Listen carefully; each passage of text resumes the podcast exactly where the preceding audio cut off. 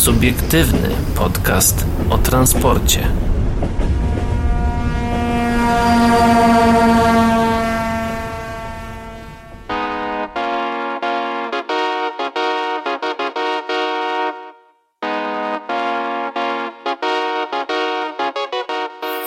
Dobry wieczór, dzień dobry i dobranoc dla wszystkich, którzy się e, dzisiaj z nami słyszą, a witają się z wami. Paweł Gajos? I Adrian Stefańczyk. No właśnie, ja się troszeczkę tutaj zamotałem w, tej, z, w tym przywitaniu, ale to też dlatego, że troszkę się do Pawła dzisiaj spóźniłem, a to dlatego, że no właśnie, miałem takie dziwne zadanie dostałem dzisiaj, żeby przestudiować sobie mapkę e, komunikacyjną miasta, uwaga, Radomia. Y, nie ma tam nic ciekawego, ja tutaj też żadnego podtekstu nie mam do tego, ale po prostu dostałem takie zadanie i stwierdziłem, wykonam je, zobaczę co tam ciekawego jest. Nic tam ciekawego nie znalazłem. Krakowska jest fajniejsza. Okej, okay, to było bardzo losowe, ale niech będzie. Tak, bo miałem generalnie też pozdrowić Ole, także pozdrawiam serdecznie i możemy zaczynać dzisiejszy odcinek, bo w nim na przykład powiemy o tym, co wydarzyło się 15 marca, czyli w dzień, kiedy to nagrywamy. Polak wylądował samolotem na Burj Al Arab w Dubaju. Mamy wideo z tego e, pięknego e, widowiska. Do tego dowiemy się, czy koleje czeskie naprawią e, pendoli, swoje pendolino po wypadku. O, no, takie całkiem nieźle pokiereszowane. No i na sam koniec jeszcze zajrzymy do aplikacji Sensum, bo okazuje się, że maszyniści z pięciu województw potwierdzają skuteczność działania e, tej aplikacji, o której już e, też wspominaliśmy jakiś czas temu, ale to dzisiaj na sam koniec. A teraz zaczniemy od e, naszego rodzimego, ukochanego miasta Krakowa, gdzie nasze MPK wybiera dostawcę autobusów klasy mini. Okazuje się, że rozstrzygnięto już przetarg na 8 letni leasing czterech autobusów klasy mini, e, ostatecznie przewoźnik musiał dołożyć środków, gdyż obie oferty przekraczały zaplanowany budżet. No o co chodzi? Kraków chce wyleasingować cztery autobusy klasy mini. Przewoźnik rozpisał przetarg w tej sprawie w grudniu ubiegłego roku. Pojazdy mają być nowe i powinny uwzględniać możliwość podróżowania w nich przez wszystkich pasażerów także tych z niepełnosprawnościami. Napęd nowym minibusom dają, mają zapewnić silniki o mocy minimum 120 koni mechanicznych. Eee, pojazdy te mają spełniać normę emisji Euro, Euro 6. Euro 6, dokładnie. Ja słyszałem zawsze takie stwierdzenie, że w leasing to się bierze Renate, że Renault, no ale widzę, że jednak nie, bo okazuje się, że poza tym, że długość autobusów określono w przedziale od 5,8 do 7,6 metra mhm. długości e, i mają zabierać na swój pokład co najmniej 20 osób, z czego minimum minimum 8 na miejscach siedzących i że zamawiający chce je wyleasingować na okres 8 lat, a następnie będzie miał możliwość wykupu tych autobusów, no okazuje się, że oferty poznaliśmy w pierwszej połowie lutego. Realizacją zamówienia zainteresowane były dwa podmioty, a więc konsorcjum Automet i Millennium Leasing, które wyceniło dostawę na niewiele ponad 4,6 miliona złotych oraz konsorcjum PKO Leasing i MMI z ceną niespełna 6 e, miliona złotych z hakiem. E, po, pierwsze z wymienionych konsorcjów zaproponowało dostawę pojazdów Mercedes-Benz mm, Automet typ 906CA50C Sprinter 517, natomiast MMI chce dostarczyć pojazdy Iveco 72C Urbi. Budżet MPK wyniósł niecałe 3,5 8 miliona złotych. No właśnie. Y, postępowanie zostało właśnie rozstrzygnięte. Wygrał konsorcjum firm Automat i Millennium Leasing. Druga oferta w ogóle nie podlegała ocenie. Teraz wybór, y, wybór musi się uprawomocnić. Na dostawy przeznaczono 9 miesięcy od zawarcia umowy y, i tak jak już wspominałem, no tutaj okazuje się, że niestety, ale ten milion złotych trzeba dorzucić, bo jednak kwota, którą mieliśmy w budżecie, czyli 3,8 miliona złotego, a 4,6, no troszkę tutaj, troszkę, no 800 tysięcy to jest taka różnica. Mhm. No, nieźle, nieźle.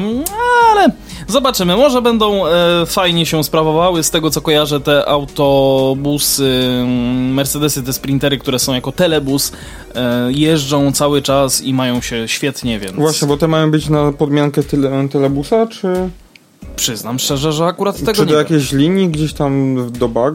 176 bodzów, yy, może do jakichś zadań specjalnych. I być może właśnie eventy. też ta linia na bagry, dobrze mówisz. Y, tam 140 chyba? To, nie, to jest nie to... No nieważne. W każdym razie jest taka linia też na bagry i ona jest też obsługiwana aktualnie tymi rozklekotanymi autosanami. Tak bardzo delikatnie mówiąc. Mhm. No, może do jakichś zadań specjalnych na jakieś eventy czy coś takiego. Albo do przewozu własnego pracowników. Chociaż nie, tym się zajmuje firma zewnętrzna akurat w Krakowie. No w Krakowie Ciekawe. tak, w Krakowie się zajmuje tym firma zewnętrzna i ewentualnie po nockach, jak ktoś już zjeżdża do zajezdni, no to po wyznaczonej trasie jeszcze może zbierać e, pracowników do, do pracy. Tak, a kto umarł, ten nie żyje. Polak wylądował samolotem na Burj Al Arab w Dubaju. Łukasz Czepiela, bo o nim mowa, to pilot w węgierskich liniach lotniczych Wizz Air, wylądował dwupłatowym samolotem jako pierwsza osoba w historii na lądowisku dla helikopterów słynnego dubajskiego hotelu w kształcie żagla Burj Al Arab, bo o nim mowa. E, Łukasz Ciepiela mówi tak: e, Musiałem maksymalnie zaufać swoim umiejętnościom, nie było miejsca na błędy. E, ch- pewnie widzieliście już taki słynny filmik z, dwupłat, e, że z jednopłatowym. Czemu jest napisane dwupłatowym? Czy ja się nie znam? To jest jednopłatowiec. Mm, No być może nie wiem, ktoś niech się- ktoś mnie poprawi. Na obrazku jest jednopłatowiec. Mhm, też, też to widzę. E, więc e, poprawcie nas albo przyznajcie nam rację. Mhm. E, pewnie widzieliście już wiralowy filmik, e, gdzie na takim wieżowcu z helipadem na dachu ląduje sobie pilot właśnie w takiej jakiej, w jakimś takim je- jednopłatowcu. E, no, Takim małym samolociku. w takim małym samolociku ze śmigłem z przodu, no i ląduje właśnie na miejscu dla helikopterów. Wygląda to bardzo ciekawie. Oczywiście sponsorem jest Red Bull, jak widać po, po samolocie. No, więc yy, Na social mediach Tak. Red Bulla można obejrzeć sobie ten film, a ja tak, teraz chciałem tylko powiedzieć, że podpowiem- właśnie Aha. jak widzieliście ten filmik, to tam w, w tym samolocie siedział Polak. O. Tak, tak, tak, no właśnie, bo warto dodać, że polski pilot spędził całe swoje życie przesuwając granice w lotnictwie. 14 marca o godzinie 6.58 czasu lokalnego w Zjednoczonych Emiratach Arabskich dokonał kolejnego wielkiego wyczynu w swojej karierze i wylądował zmodyfikowanym samolotem Carbon Cup na mierzącym 27 metrów lądowisku dla helikopterów, no właśnie wspominanego e, hotelu Burj Al Arab. Mm, Czepiela przeleciał nad wybrzeżem Dubaju, e, nie mylić z wybrzeżem Dunaju, e, bezpiecznie wylądował, po czym wykonał operację startu. Maszyna, której do lotów używa Czepiela, ma 7 metrów długości. Lądowanie na zawieszonym nad wodą lądowiskiem można porównać do e, ładowania mm, po przekątnej boiska do koszykówki. Do, e, do lądowania. No chyba, te, chyba tak, chyba tak. Do lądowania po przekątnej e, boiska do koszykówki. Jeszcze nie czuję, że zapisałem się w historii. Czuję, że po prostu zrobiliśmy coś niesamowitego. Ślady opon, które można teraz tutaj zobaczyć, to pierwsze takie ślady, jakie zostawiono na tym helipadzie przy pomocy samolotu. Nikt y, tego nie powtórzy, powiedział Łukasz Czepiela po wylądowaniu tuż przed startem z lądowiska w hotelu Burj Al Arab. Do wykonania takiej operacji Łukasz przygotowywał się przez ostatnich 12 miesięcy, wykonując 650 różnych lądowań. Jestem bardzo szczęśliwy, bo zrealizowałem najtrudniejszy projekt w mojej karierze. Musiałem lądować około 7 metrów dalej od krawędzi lądowiska, żeby nie uderzyć w helipad. Realnie miałem tylko zatem 20 metrów na bezpieczne lądowanie. Największym wyzwaniem była dla mnie jednak wysokość i to, co się z tym wiązało. Ponad 200 metrów nad poziomem morza, gdzie dookoła nie ma żadnych wyraźnych punktów odniesienia, to zupełnie coś innego niż lądowanie na ziemi, przyznał polski pilot. Do lądowania w- na szczycie 56-metrowego hotelu polskie, e, polskiego pilota zainspirował projekt, którego dokonał w 2019 roku. Czepiela, będąc mistrzem świata w wyścigach samolotowych Red Bull Air, e, Air Race e, i e, łącząc pracę pilota akrobacyjnego i liniowego z Wiz, w Wizerze, wpadł na pomysł, aby sprawdzić możliwości samolotów typu STOL, z angielskiego Short Takeoff and Landing, krótkiego startu i lądowania. Poznanie maszyny zaowocowało wykonanie lądowania na Sopockim Molo. Wow. Do lądowania czepieli potrzebne było aż 150 metrów. Po lądowaniu na Molo chciałem zrobić coś niezwykłego na skalę światową i wykorzystać nabytą wiedzę, by podnieść poprzeczkę jeszcze wyżej. Pomysł na helipad Burj Al Arab e, przyszedł mi do głowy dość szybko. To miejsce jest bardzo rozpoznawalne, bo odbywało się tutaj wiele ciekawych projektów. Na przykład Roger Federer i Andre Agassi grali na nim w tenisa, a formuły mm, jeździł David Coulthard. Sam hotel w kształcie żagla jest bardzo charakterystyczny. Wiedziałem, że Dubaj jest miejscem otwartym na różne niekonwencjonalne pomysły, stwierdził Łukasz Ciepiela. Amerykański konstruktor lotniczy Mike Patty e, wprowadzi modyfikację w fabrycznym samolocie Carbon Cab. E, zmniejszona została maksymalna waga maszyny. Teraz samolot waży zaledwie 425 kg, co pozwala lecieć wolniej. Przy lądowaniu w Dubaju prędkość samolotu wynosiła 48 km na godzinę. No to yy, przepisowo.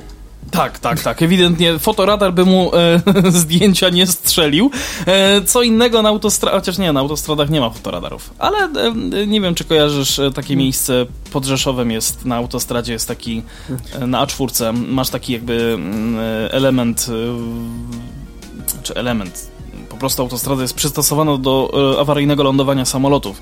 Bardzo, bardzo ciekawie hmm. się tam jedzie i bardzo ciekawie jeszcze, się, e, jeszcze ciekawiej się to ogląda z lotu ptaka z, na mapach, na przykład patrząc sobie e, przez satelitę. Naprawdę mega, mega fajna sprawa. Myślę, że tam e, pan Łukasz nie miałby żadnych e, problemów z wylądowaniem. Tam to by 7 czy 7 wylądował. Tak, oczywiście. To, to wziąłby Dreamlinera i jazda, nie?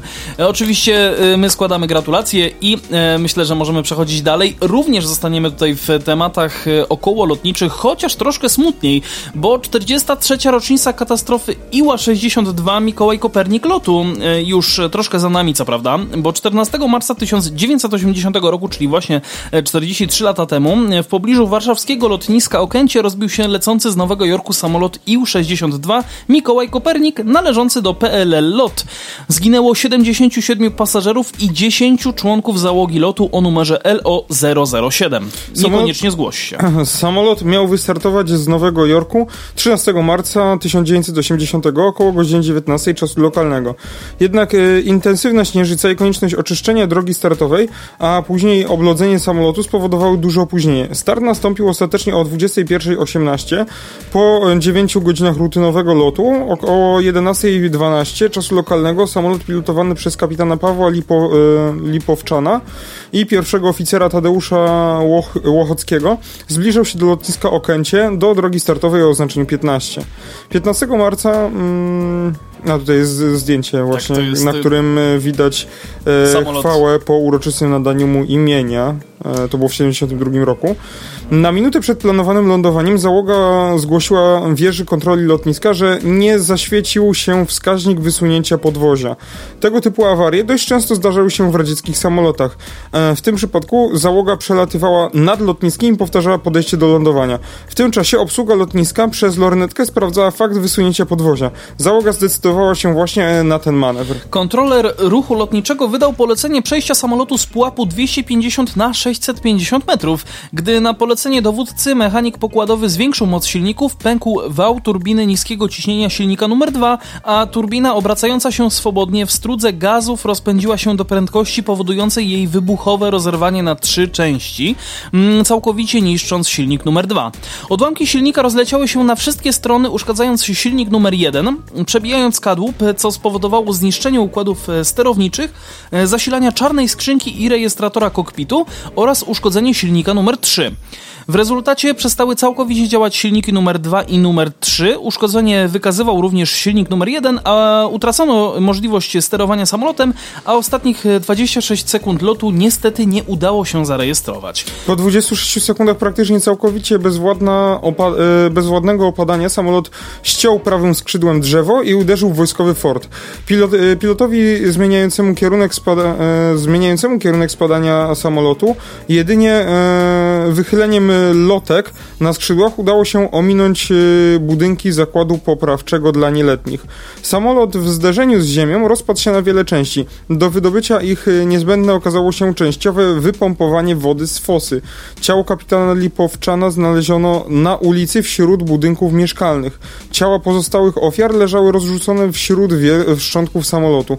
E, według lekarzy, którzy przybyli na miejsce wypadku, wiele ofiar najprawdopodobniej spało w momencie zderzenia z ziemią. Niektórzy jednak jednak byli świadomi, że samolot się rozbije i przytrzymywali się foteli tak mocno, że w momencie zderzenia uległy zerwaniu mięśnie i ścięgna w, w ich ramionach. W czasie, gdy Kopernik spadał, na Okęciu odbywała się konferencja poświęcona poprawie bezpieczeństwa lotów pasażerskich. Ojej, co, cóż za przypadek.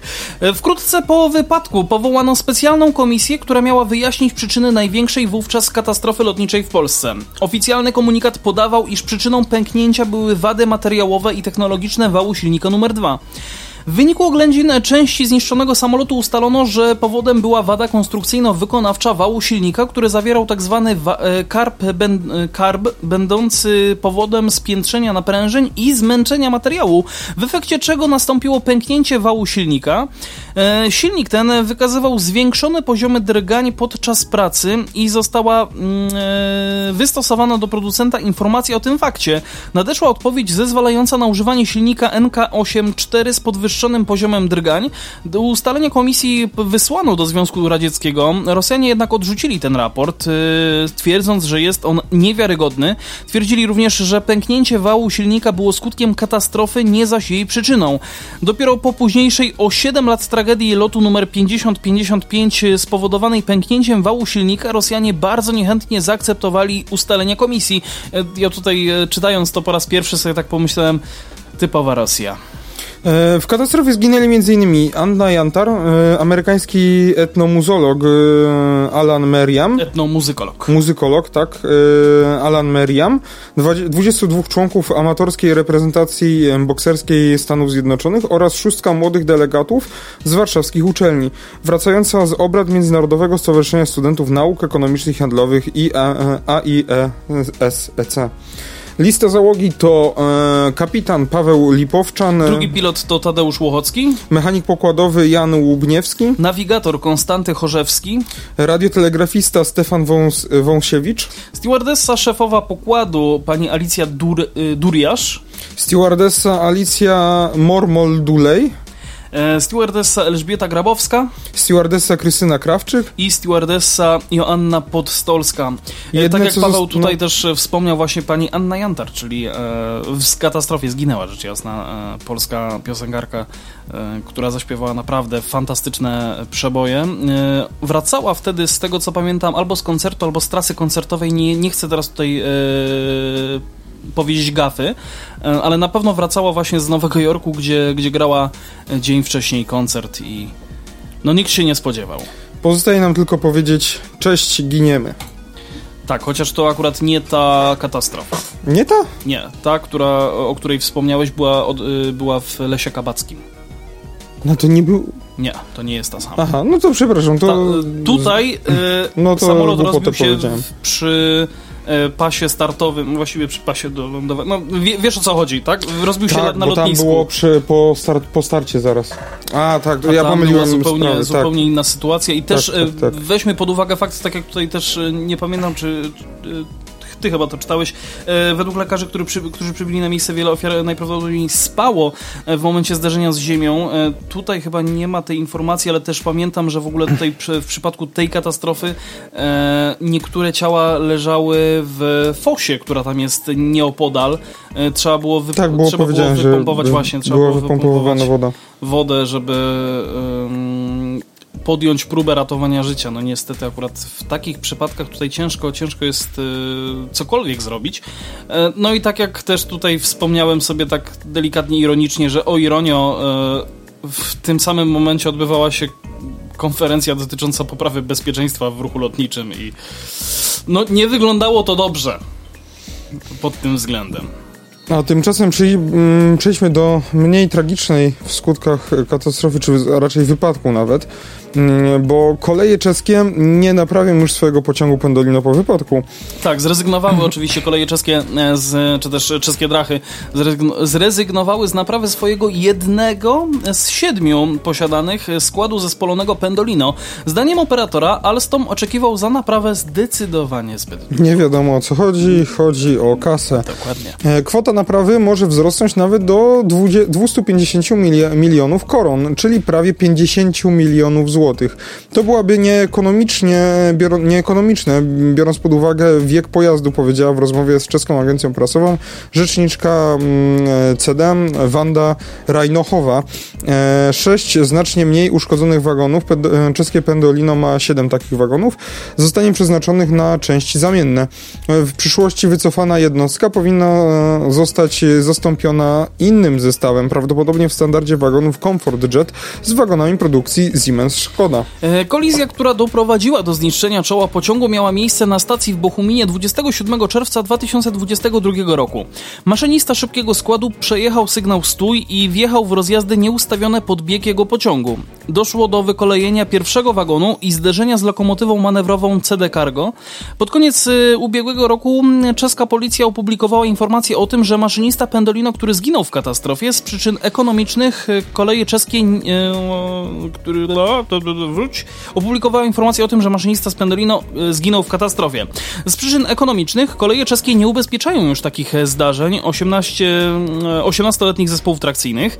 Mm, Przypomnijmy, że naprawa polskiego Pendolino po wypadku w Ozimku była warta 8,5 miliona złotych.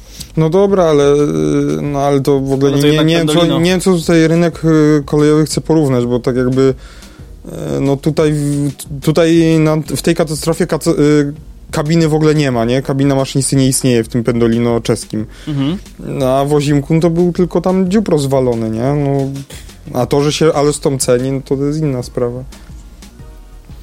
No to prawda, no ale to też powiedzmy sobie szczerze, zakup nowego e, składu też wcale tani nie jest. Mm, no, no, no, Warto- ale nie 50 milionów to coś ty. Mm, Dokładnie. Warto też dodać e, jeszcze, że e, jak podaje portal z doprawy CZ, to obecnie z siedmiu posiadanych pociągów Pendolino w Czechach kursują tylko cztery pojazdy. Jeden z nich jest wyłączony z ruchu po wykolejeniu na Słowacji, w którym, e, a w kolejnym trwa montaż ETCS. No, czyli Czesi mają taką samą sytuację taborową jak my, bardzo podobną. Tylko oni mają faktycznie na stanie te nurki, a my je mamy pożyczone od nich, więc nie wiem kto ma gorzej. Ktoś na pewno. Widzę, że tutaj czegoś Właśnie, poszukujesz. nie, wydaje mi się, że w sumie to na dwoje babka wróżyła, to nie ma znaczenia, bo wiesz, tak jakby no po co mieć, y, ja bym się cieszył, że właśnie my ich nie mamy, nie? Bo one się, że mamy je pożyczone i Mhm. mamy je pożyczone w ilości, nie wiem, tam dwóch, trzech sztuk. Eee, no, Z czego tylko jeden jest sprawny? No, czy tam Jakoś tak? dwa jakoś tak, coś takiego było. Więc mamy tylko tyle problemów, a oni mają tyle problemów, ile tych nurków było wyprodukowanych. Dobra, dobra, no niech będzie, niech będzie, ale e, mimo wszystko każdy z nas orze jak może. A skoro już o oraniu mowa, to teraz powiemy o e, dzieleniu rozkładów na dzielenie, e, na niedzielę, To przepraszam. No, było przej- super przejście. E, Na niedzielę handlowe i niehandlowe. No, no ale wiesz, no jak y, każdy orze jak może, szczególnie w niedzielę handlową, no nie? No bo jednak no, trzeba, prawda, pracować. Ale ym, o jakim w ogóle mo- mieście mowa? E, to ja tylko podpowiem tak. Pasażerowie korzystający w niedzielę z olsztyńskiej komunikacji miejskiej, tak, chodzi o Olsztyn oczywiście, muszą od marca zwracać uwagę, czy mają do czynienia z dniem handlowym lub też Mi nie. się wydaje, że to będzie właśnie po rozkładzie jazdy będzie można sprawdzić, czy jest niedziela handlowa, czy nie. Tak, tak, to też może w pewnym stopniu ułatwić tę robotę. Od tego zależeć będzie, jak szybko przyjedzie na przystanek autobus lub tramwaj. Po zmianach liczba kursów w dni pozbawione handlu zmaleje o około 16%. Często będzie to oznaczać połączenie raz na godzinę. Od marca olsztynianie muszą szczególnie uważać, w jaką niedzielę planują skorzystać z komunikacji miejskiej. Olsztyn jako pierwsze miasto w Polsce postanowił rozróżnić w rozkładach niedziele niehandlowe od tych handlowych. Zmiany już weszły w życie i oznaczają mniejszą liczbę kursów. Podział rozkładów jazdy na niedziele y, handlowe oraz niedziele niehandlowe i święta przygotowany został w oparciu o e, dane z badań napełnienia pojazdów. Wyniki badań z obserwacji wskazywały na istotny spadek liczby przejazdów komunikacją miejską w stosunku do okresu bez handlu, bez zakazu handlu w niedzielę. W związku z powyższym zdecydowano się o wprowadzeniu wspomnianego podziału rozkładów i ograniczeniu od marca liczby kursów w większości linii autobusowych oraz tramwajowych w niedzielę niehandlową i święta. Przekazuje Michał e, Koronowski, rzecznik prasowy Zarządu Dróg Zieleni i Transportu w Olsztynie. I taki zabieg, jak podkreśla ZDZIT, pozwolił utrzymać dotychczasową ofertę przewozową w dni robocze i soboty na, obecny, na obecnym poziomie. Mm, Pomimo wyraźnego wzrostu kosztów e, funkcjonowania transportu zbiorowego, podkreśla Koronowski, e, warto dodać, że w niedzielę niehandlowe, przepraszam, w niedzielę handlowe niedzielę ZDZ IT no, utrzymał ofertę jak w dotychczasowym niedzielnym rozkładzie, co oznacza 12,5 tysiąca wozokilometrów autobusowych i 1400 pociągokilometrów tramwajowych. W niedzielę bez handlu zaplanowano natomiast 10,5 tysiąca wozokilometrów autobusowych i 1,2 tysiąca pociągokilometrów tramwajowych. Mm, Oferta jest więc o prawie 16% uboższa względem niedzieli handlowej. Co to oznacza w praktyce? No, dla większości linii częstotliwość kursów spadnie z dwóch na godzinę do wyłącznie jednego na godzinę. Dla najbardziej popularnych linii, jak na przykład ta 126 łącząca osiedle generałów z końcowymi osiedlami na ulicy Jagiellońskiej, częstotliwość kursów w niedzielę bez handlu spadnie z 3 na godzinę do wyłącznie dwóch kursów. Podobne zmiany dotknęły popularną linię 113 z Dajtek na osiedle Jaroty, czy 117 z Jakubowa na Jaroty. Pozostałych przypadkach często pozostanie mieszkańcom jeden kurs na godzinę. ZDZIT zmiany w rozkładach wprowadził na na, razie na dwa miesiące. Jednak jak wy, niewykluczone, że cięcia w rozkładzie pozostaną na dłużej. Biorąc pod uwagę turystyczny charakter miasta i zwiększenie liczby podróży w celach rekreacyjnych w miesiącach ciepłych, planowane jest przywrócenie jednego pełnego rozkładu jazdy niedzielę i święta dla wszystkich dni, linii w okresie od 30 kwietnia do 30 września 2023 roku. Od października zakładany jest powrót do podziału na niedziele handlowe i niehandlowe, wyjaśnia rzecznik ZDZ-u. Bardzo mi się podoba to, że ta zmiana będzie tylko przez miesiąc. No tak testowo, bo wiesz, zawsze można się wycofać. No, w nie? sumie też prawda. Ale nie trzeba mówić, że się coś testuje, tylko wiesz. Tylko tak, tak, tak marketingowo tak, to tak, troszkę tak. gdzieś tam wypuścić, że a, no wrócimy do tego od października. Ja myślę, że wrócą do tego nawet troszkę wcześniej i myślę, że to się całkiem nieźle sprawdzi. I jestem ciekaw, kto następny po Olsztynie pójdzie e, za tym ciosem, które z miast polskich e, zdecyduje się na taką zmianę, bo mm, to nie tylko oszczędności dla miasta przez y, właśnie te kilometry, no ale też y, chociażby dla pracowników, którzy powiedzmy, nie wiem, akurat w tę niedzielę będą mogli mieć wolne, ale za to wykorzysta się ich limit pracy, mówię tutaj o kierowcach autobusów, e, wykorzysta się ich limit czasowy pracy właśnie na dni w tygodniu bo też pamiętajmy o tym, że w ciągu dwóch tygodni maksymalnie, dwóch następujących po sobie tygodni maksymalny czas prowadzenia pojazdu przez kierowcę autobusu to jest 90 godzin. To tak przy okazji. No. Paweł tutaj już ziewa od mojego gadania, więc dobra, przejdźmy dalej do ostatniego tematu, który mamy dla tak, Was co, na dzisiaj przygotowany. Tak, a co do skutecznej jazdy tymczasem na, e, na stalowych szlakach, to mm, to, że maszyniści z pięciu województw potwierdzają skuteczność Sensum, o którym już dużo mówiliśmy, aplikacji do ekologicznej jazdy pociągiem. Bezpieczeństwo, efektywność działania systemu w różnych warunkach atmosferycznych i poziom oszczędności, weryfikację m.in. tych parametrów zakłada trwająca właśnie druga faza testów oprogramowania Sensum. Innowacyjny system wspierający ekonomiczną i ekologiczną jazdę testowali dotąd maszyniści z kolei mazowieckich i łódzkiej kolei aglomeracyjnej. Teraz dołączyły do nich koleje śląskie, koleje wielkopolskie oraz koleje małopolskie. Mm, projekt realizowany jest w ramach Centrum Efektywności Energetycznej Kolei. No i warto dodać, że jadąc pociągiem w jednym z tych pięciu województw, które przed chwilką e, zostały wymienione, czyli właśnie mazowieckie, łódzkie, śląskie, wielkopolskie i małopolska, e, możemy trafić na skład, który jedzie płynniej i generuje znacznie niższy ślad węglowy. To dzięki Sensum, aplikacji, która znacząco usprawnia prowadzenie pojazdu i umożliwia oszczędzanie oszczędzanie energii. W pierwszej fazie maszyniści przejechali z Sensum łącznie ponad 200 godzin i y, warto dodać, że system rozwija również PKP y, Energetyka y, przy współpracy z, in z inżynierami firmy Redis. EcoDriving to świadoma, umiejętna i oszczędna jazda umożliwiająca zużycie jak najmniejszej ilości energii lub paliwa. Mm, Sensum to pierwsze tak innowacyjne rozwiązanie dla polskiej kolei przygotowane dla maszynistów i przez maszynistów w modelu ko-kreacji. W ramach i pierwszej fazy testów pozytywnie oceniono przede wszystkim jakość komunikacji między tabletami a systemem centralnym, precyzję lokalizacji i wyświetlanych rekomendacji oraz projekt interfejsu. Zgodnie z wnioskami z tej fazy, z tej pierwszej fazy, system poprawia komfort pracy oraz świadomość sytuacyjną, a dodatkowo zwiększa motywację i zaangażowanie prowadzących pojazd. Na podstawie uwag zgłaszanych przez maszynistów korzystających z sensu wprowadzono pakiet poprawek i ulepszeń, a najnowsza wersja aplikacji trafiła znów do kabin do ostatecznej weryfikacji aplikacji. Cieszymy się, że już w fazie testów coraz więcej przewoźników dołącza do grona użytkowników Sensum, dzięki czemu e, mają bezpośredni wpływ na ostateczny kształt systemu.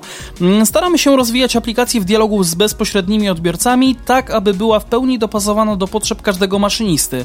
Wiemy e, i wierzymy, że już niedługo dzięki wspólnym działaniom EcoDriving na kolei będzie standardem, a tablety z systemem Sensum dostępne w każdym pojeździe, co znacząco wpłynie na efektywność energetyczną sektora, powiedział Leszek Hołda, członek zarządu PKP Energetyka i wiceprzewodniczący e, prezydium Rady Programowej CEEK. Tym razem potwierdzony zostanie m.in. poziom oszczędności energii generowany przez maszynistów korzystających z systemu, przesyłanie ostrzeżeń dotyczących bezpieczeństwa na szlaku pomiędzy tabletami oraz skuteczność działania systemu w różnych warunkach szlakowych, atmosferycznych i tym podobne. Doświadczenia przewoźników zagranicznych, a także liczne badania naukowe wykazują, że wdrażanie ekodrivingu oparte o dynamicznie rozwija, o dynamiczne rekomendacje przesyłane do kabiny maszynisty pozwala na znaczące oszczędności energii sięgające nawet 15 15% w przypadku przewozów aglomeracyjnych. Mm, zaprojektowany i wykonany przez REDS system Sensum stanowi polską implementację tej koncepcji i oparty jest o najnowocześniejsze technologie. System przechodzi obecnie drugą fazę testów eksploatacyjnych i jestem pewien, że w jej wyniku wykażemy znaczące obniżenie zużycia energii trakcyjnej przez maszynistów korzystających z tej aplikacji, powiedział dr inżynier Witold Bartnik, dr inżynier Witold Bartnik, prezes zarządu firmy REDS. W ramach wspólnej wspólnej pracy nad Sensum w lutym bieżącego roku odbyły się warsztaty organizowane przez CEK z udziałem prawie 50 maszynistów z kilkunastu różnych spółek kolejowych. Podczas wydarzenia prezentowano możliwości Sensum, a uczestnicy mieli także okazję przetestować system na specjalnie zaprojektowanym symulatorze. Druga faza testowa potrwa do końca marca, a następnie w czwartym kwartale bieżącego roku planowane jest uruchomienie produkcyjne Sensum. Wdrożenie Sensum w skali całego sektora kolejowego umożliwi wygenerowanie oszczędności zużycia energii elektrycznej na poziomie 400 gigawatów, gigawatogodzin, a więc tyle, ile potrzeba do zasilania 20 tysięcy gospodarstw domowych przez 10 lat oraz redukcję emisji CO2 o 320 tysięcy ton. I tyle rocznie pochłania Puszcza Białowieska. No. Czyli krótko mówiąc, ekologia, ekologia i jeszcze raz ekologia e, w dosyć zdrowy i bezpieczny sposób. Jak to mówił, mawiał maszynista Orzechowski, węgla spalam ile mi trzeba, a od naprawy jest warsztat.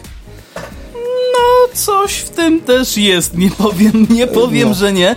Mm, chociaż też bardzo często lubię sobie podpatrywać różnego rodzaju kłótnie w internecie na temat y, samochodów elektrycznych, czy one są takie ekologiczne, czy nie są i co w ogóle z tym. Nie, no bo to, to było generalnie nawiązanie do pewnego filmu takiego starego bardzo. Porządku. No. Y, ja akurat nie załapałem, być może ktoś z naszych ale... słuchaczy, tak, nie oglądałem, być tak. może ktoś z naszych słuchaczy załapał, a jeżeli załapaliście, to dajcie nam o tym znać, chociażby na naszym Facebooku, facebook.com slash o transporcie, tam was serdecznie zapraszamy. W komentarzu pod y, postem promującym dzisiejszy odcinek śmiało możecie napisać, a wiem z jakiego to filmu. Do wygrania jest oczywiście nic, ale no dobra, może uścisk dłoni nas, na naszej redakcji. Czemu nie? Tak, jak sobie przyjedziecie do Krakowa. Tak, zapraszamy was serdecznie do Krakowa. To wcale nie jest tak, że Kraków nam powinien za to jeszcze dopłacać. Halo? Urząd Miasta? Słyszycie nas? No i znowu, znowu wysz, wyszło na to, że Krakusy to są sępy. No i tam zaraz sępy. Hmm. Hmm. Ja wiem, Paweł. Zaledwie dusi grosze. Oj tam, oj tam. To się, jakoś się to po krakowsku mówiło na to. Nie pamiętam. No centuś. Centuś, centuś, właśnie centuś. No, no to takie centusiostwo z nas trochę wypływa. o mój Boże. E, Instagram nasz e, radio, znaczy Boże, radiowy, e, podcastowy oczywiście, o transporcie.pl. Tam was również serdecznie zapraszamy na Instagramie. Gajosowy26 to konto Pawła. I adrian.stefanczyk, kto jest konto Adriana. Tak, to nasze takie bardziej osobiste.